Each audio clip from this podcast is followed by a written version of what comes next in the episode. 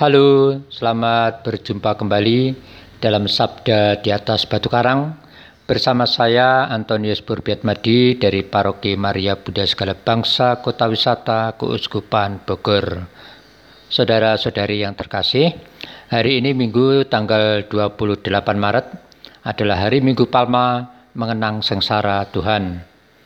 Bacaan-bacaan kitab suci yang bisa dibaca terlebih dahulu sebagai persiapan untuk bahan renungan bagi pengembangan iman kita. Bacaan untuk pemberkatan daun palma dan perarakan. Bacaan dari Injil Markus bab 11 ayat 1 sampai 10 atau Injil Yohanes bab 12 ayat 12 sampai 16. Bacaan-bacaan untuk perayaan Ekaristi.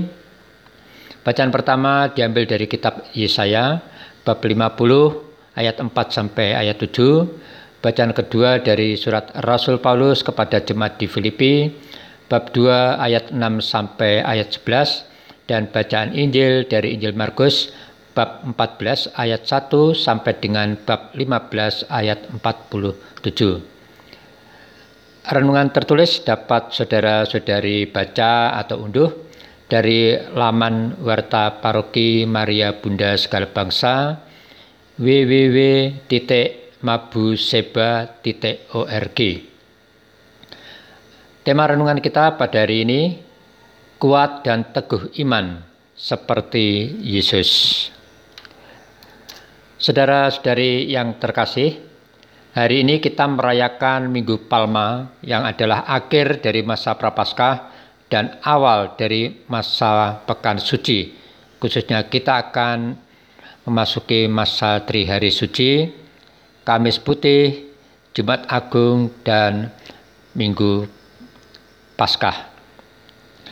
Dalam memasuki masa Pekan Suci, kita umat beriman dalam kesatuan Gereja Universal diajak untuk merayakan misteri penyelamatan yang digenapi oleh Yesus pada menjelang akhir hidupnya di dunia. Bacaan-bacaan kitab suci hari ini tidak saja mengajak kita untuk mengingat kembali nubuatan tentang Yesus yang dieluk-elukan saat masuk kota Yerusalem, tetapi juga mengajak kita untuk ikut serta dalam menghayati penderitaan atau sengsara dan wafat Tuhan Yesus. Gambaran penderitaan yang dialami Yesus telah dinubuatkan oleh Nabi Yesaya sebagaimana kita dengarkan dalam bacaan pertama Penderitaan Yesus adalah gambaran kesetiaan dirinya dalam melaksanakan kehendak Allah demi keselamatan dunia. Saudara-saudari yang terkasih, dalam bacaan kedua Rasul Paulus juga menggambarkan penderitaan Yesus yang adalah bentuk ketaatannya kepada Allah Bapa demi keselamatan dunia. Dikatakan oleh Rasul Paulus bahwa walaupun dalam rupa Allah, Yesus tidak menganggap kesetaraan dirinya dengan Allah itu sebagai suatu milik yang harus dipertahankan. Namun justru dalam keadaan dirinya sebagai manusia, ia telah merendahkan diri dalam ketaatannya sampai mati di kayu salib. Saudara-saudari yang terkasih, Rasul Paulus menggambarkan pribadi Yesus yang mau melepaskan status ilahinya dan mau mengalami penderitaan di salib agar kita semua dapat diselamatkannya dari maut dosa. Melalui Rasul Paulus hari ini kita diajak untuk membangun sikap kerendahan hati dan ketaatan diri untuk setia dan mau melaksanakan kehendak Allah meski dalam keadaan yang penuh resiko.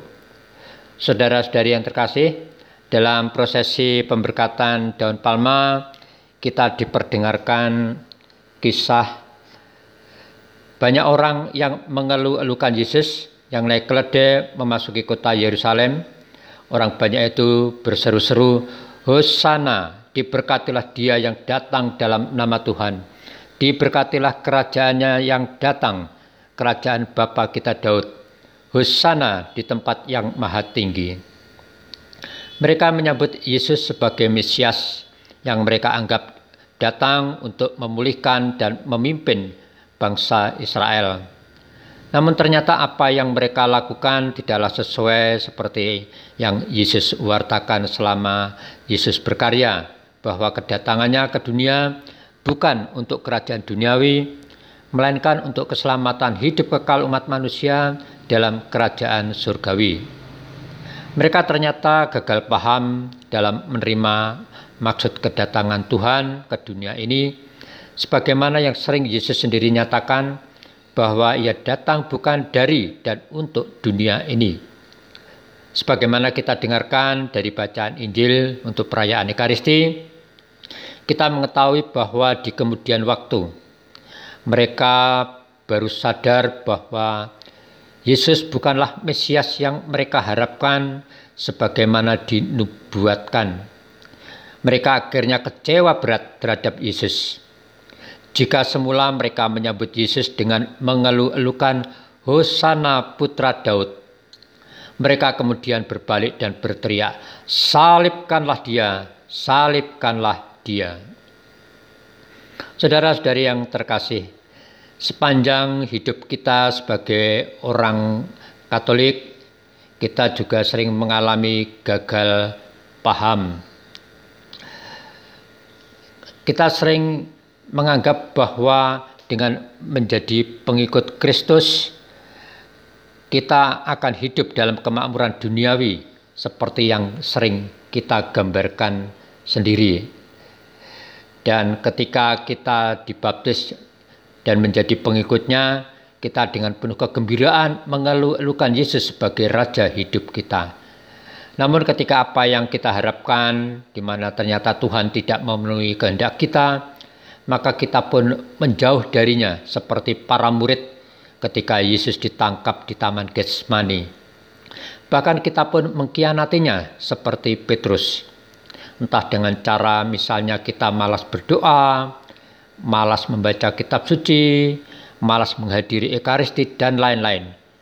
Atau bahkan demi pangkat dan jabatan kita rela meninggalkan Yesus untuk beralih ke agama yang lain. Saudara-saudari yang terkasih, menjadi pengikut Kristus bukanlah untuk hidup dalam kemakmuran duniawi seperti yang sering kita gambarkan sendiri. Namun justru sebaliknya bahwa menjadi pengikut Kristus, menjadi murid Kristus, kita harus mengutamakan kemakmuran surgawi. Memang untuk mencapai itu tidak mudah. Kita harus berani dan kuat dalam mengalami penolakan iman penderitaan seperti yang Yesus alami, bahkan sampai kematiannya sebagai anak domba yang mati demi dosa kita. Saudara-saudari yang terkasih, semoga dengan perayaan Hari Minggu Palma ini, pikiran, hati, dan iman kita terbuka akan pemahaman bahwa Yesus yang kita lukan kedatangannya adalah sungguh raja yang membebaskan kita dari belenggu dosa. Sementara itu, kenangan kita akan sengsara dan wafat Yesus membawa kita untuk tidak bersikap seperti para imam, kaum Farisi, dan para tua-tua bangsa Yahudi yang dikuasai oleh sikap hati dengki. Melainkan diharapkan kita memiliki sikap hati seperti Yesus yang mau merendahkan diri dalam ketaatan untuk melaksanakan kehendak Allah walau mengalami penderitaan dan tantangan iman. Saudara-saudari yang terkasih, semoga masa prapaskah yang sudah kita lalui membuat iman kita kuat dan teguh seperti Yesus dalam menghadapi penderitaan dan wafatnya di kayu salib karena kasihnya demi keselamatan kita kaum pendosa ini. Semoga laku tapa kita selama masa prapaskah menjadi kesempatan bagi kita untuk menyambut Yesus sebagai Raja hidup kita dan bersama Yesus kita mampu untuk memperbaharui perjalanan iman kita dalam penderitaannya demi kebahagiaan dan kehidupan kekal kita. Amin. Saudara-saudari yang terkasih, sebagai umat beriman, mari kita tetap untuk taat setia dalam menjalankan protokol kesehatan, yakni selalu bermasker, rajin mencuci tangan, menjaga jarak ketika berhadapan dengan orang lain, menghindari bepergian yang tidak perlu, dan juga menghindari kerumunan banyak orang. Semoga Tuhan memberkati kita dan selamat hari Minggu Palma.